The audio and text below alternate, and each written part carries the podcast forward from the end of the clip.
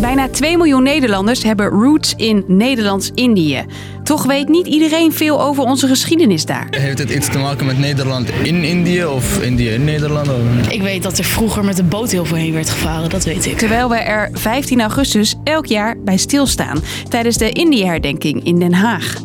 Ik, Hilde, neem je mee door de geschiedenis van Nederlands-Indië, zodat je weet wat we de 15e herdenken.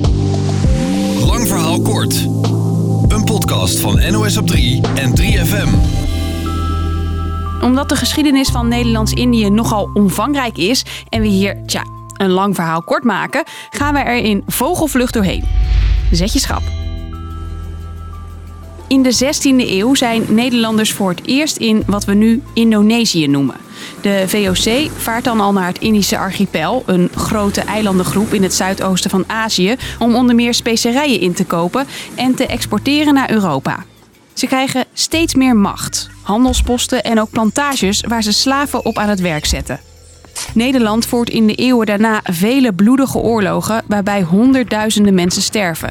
En verovert zo een steeds groter gebied waar ze uiteindelijk de stempel Nederlands-Indië opplakken. Ondertussen verdienen we ook gigantisch veel geld aan de kolonie. Door boeren te dwingen onder meer koffie, suiker en tabak te verbouwen voor de Nederlandse markt. De oorspronkelijke bevolking lijdt daardoor honger. Als ze in opstand komen, worden ze met geweld onderdrukt. Steeds meer Nederlanders trekken in de 19e en 20e eeuw naar de kolonie. Deze mannen krijgen relaties met vrouwen van de lokale bevolking, vaak ongelijkwaardig. Hierdoor ontstaat een groep Indo-Europeanen, die noemen we ook wel Indo's. Over Europa gesproken, daar begint in 1940 de Tweede Wereldoorlog. Als een vloedgolf spoelden de Japanse legers over Zuidoost-Azië. Een jaar later valt Japan Nederlands-Indië binnen. Nederlands-Indië liet zich niet verrassen en verklaarde zelf op 8 december de oorlog aan het Japanse keizerrijk. Nederlanders en Indo's komen in Japanse interneringskampen, waar de omstandigheden erbarmelijk zijn. Ook Thea zat daar toen ze zes was. Elke Japanner die we, of bewaker die we tegenkwamen, moesten we buigen. En als een kind dat niet goed genoeg deed, kreeg de moeder een pak ransel. 1945. Na vijf jaar is de oorlog in Nederland over. Feestvreugde duurde tot diep in de nacht. En de volgende. En de volgende. De oorlog in Europa was voorbij. Maar gaat in Nederlands-Indië nog een paar maanden door, tot augustus. Amerika, bondgenoot van Nederland, werpt dan twee atoombommen op Japan met honderdduizenden slachtoffers tot gevolg. Japan geeft zich over. De Tweede Wereldoorlog is voorbij op 15 augustus, 76 jaar geleden. Maar hoewel de oorlog in 1945 eindigt, begint er op 15 augustus ook een nieuw hoofdstuk van geweld. Indonesische nationalisten zien hun kans om eindelijk de onafhankelijkheid te pakken en roepen twee dagen na de Japanse val de Republiek Indonesië uit. Uit angst dat Nederland terugkomt, verzetten de nationalisten zich met geweld. Deze periode wordt de Bersiap genoemd.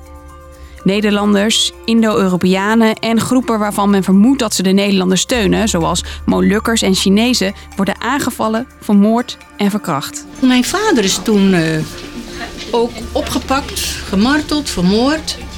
En die man die dat gedaan heeft, was gewoon gek. Die hakte een arm af, ging het bloed drinken. Nederland erkent de Republiek Indonesië niet en stuurt militairen die kant op om de macht weer te pakken. Ze komen terecht in een onafhankelijkheidsoorlog. Nederland voert verschillende operaties uit, de politionele acties. Daarbij komen zo'n 100.000 Indonesiërs om het leven. Als Nederland de woede van de rest van de wereld op de hals haalt door de Indonesische nationalistische regering te arresteren, worden ze gedwongen de macht over te dragen. Dat gebeurt in december 1949. Voor het laatst wappert de Nederlandse vlag op het paleis aan het Koningsplein te Batavia. Het is de dag van de soevereiniteitsoverdracht. Nederlands-Indië bestaat niet meer. Voor de Nederlanders is geen plek meer in Indonesië en de nieuwe president Sukarno dwingt de Indo-Europeanen, die vaak een Nederlands paspoort hebben, tot een keuze: Indonesiër worden of vertrekken. In 1953, toen zat er een dolk in de deur van mijn opa en oma met een brief eraan ja, oprotten of vermoord worden. Ook de familie van Karel kwam naar Nederland. Het was heel duidelijk en heel helder voor mijn opa. Ik kan hier niet meer blijven. Ik ga naar het onbekende vaderland. Of nou ja, het vaderland waar hij nog nooit geweest was. In totaal kwamen 300.000 mensen met schepen naar Nederland. Voor Karel is die Indië-herdenking belangrijk, want zijn opa en oma maakten de oorlog met Japan mee. Tijdens de Tweede Wereldoorlog uh, is mijn opa geïnterneerd in een Japans interneringskamp, te werk gesteld aan de Burma Spoorlijn. En mijn oma die heeft de oorlog uh, meegemaakt als buitenkamper, maar heeft uh, ook honger geleden en angst gekend. En ook voor veel andere Nederlanders die verbonden zijn met de voormalige kolonie, is de herdenking een belangrijk moment om de herinnering aan de Tweede Wereldoorlog in Indië in leven te houden. Daarom staat op 15 augustus het land stil bij de slachtoffers van de Japanse bezetting. Dus, lang verhaal kort. Op 15 augustus worden de slachtoffers van de oorlog met Japan herdacht. Militairen, krijgsgevangenen, de mannen, vrouwen en kinderen in en buiten de kampen en de vele slachtoffers onder de Indonesische bevolking.